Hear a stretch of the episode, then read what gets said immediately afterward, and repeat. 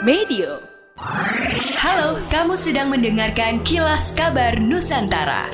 Podcast persembahan KG Radio Network menyajikan berita harian yang mengangkat keunikan dari berbagai wilayah Indonesia.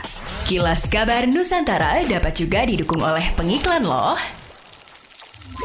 Bawaslu merilis daerah yang berpotensi memiliki kerawanan netralitas aparatur sipil negara ASN dalam pemilu 2024 mendatang. Setidaknya ada 20 daerah tingkat kabupaten kota yang memiliki kerawanan tinggi. Lima di antaranya berasal dari Provinsi Sulawesi Selatan, yakni Kota Parepare, Kabupaten Jeneponto, Kabupaten Bulukumba, Kabupaten Maros, dan Kabupaten Pangkep. Sementara pada tingkat provinsi, 10 provinsi kerawanan tertinggi berdasarkan agregat kabupaten kota, yakni Maluku Utara, Sulawesi Utara, Sulawesi Selatan, Sulawesi Barat, Sulawesi Tenggara, Sulawesi Tengah, NTB, Papua Selatan, Banten, dan Kalimantan Timur. Anggota Bawaslu Loli Suhenti mengatakan pola pelanggaran netralitas ASN yang terjadi yakni mempromosikan calon tertentu, pernyataan dukungan secara terbuka di media sosial dan juga media lainnya. Lalu penggunaan fasilitas negara untuk mendukung petahana, teridentifikasi dukungan dalam bentuk grup WhatsApp dan terlibat secara aktif maupun pasif dalam kampanye calon. Ia menyebut kampanye terselubung pada lingkup ASN paling banyak terjadi dalam pelaksanaan pemilihan kepala daerah.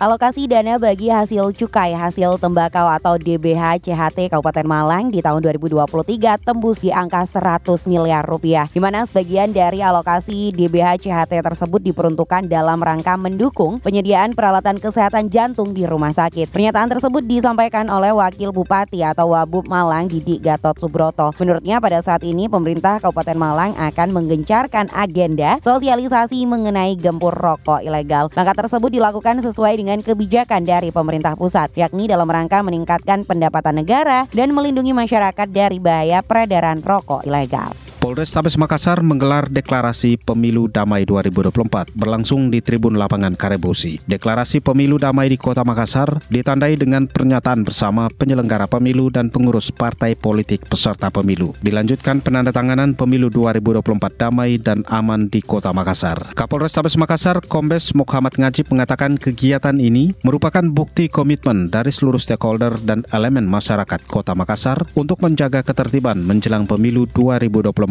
yang aman, damai, dan kondusif. Dia berharap semangat kebersamaan dan kerjasama antar berbagai pihak terus berlanjut. Hal ini untuk terwujudnya pemilu yang damai dan sukses pada tahun depan. Deklarasi Pemilu Damai 2024 diikuti Forkopimda Kota Makassar, kemudian Ketua KPU Kota Makassar, dan Ketua Bawaslu Kota Makassar. Selain tokoh pemerintahan, acara ini juga dihadiri para ketua partai politik Kota Makassar, tokoh agama, tokoh masyarakat, tokoh adat, tokoh pemuda, pimpinan ormas, perwakilan organisasi mahasiswa, termasuk mereka yang memiliki peran penting dalam menjaga perdamaian selama proses pemilu.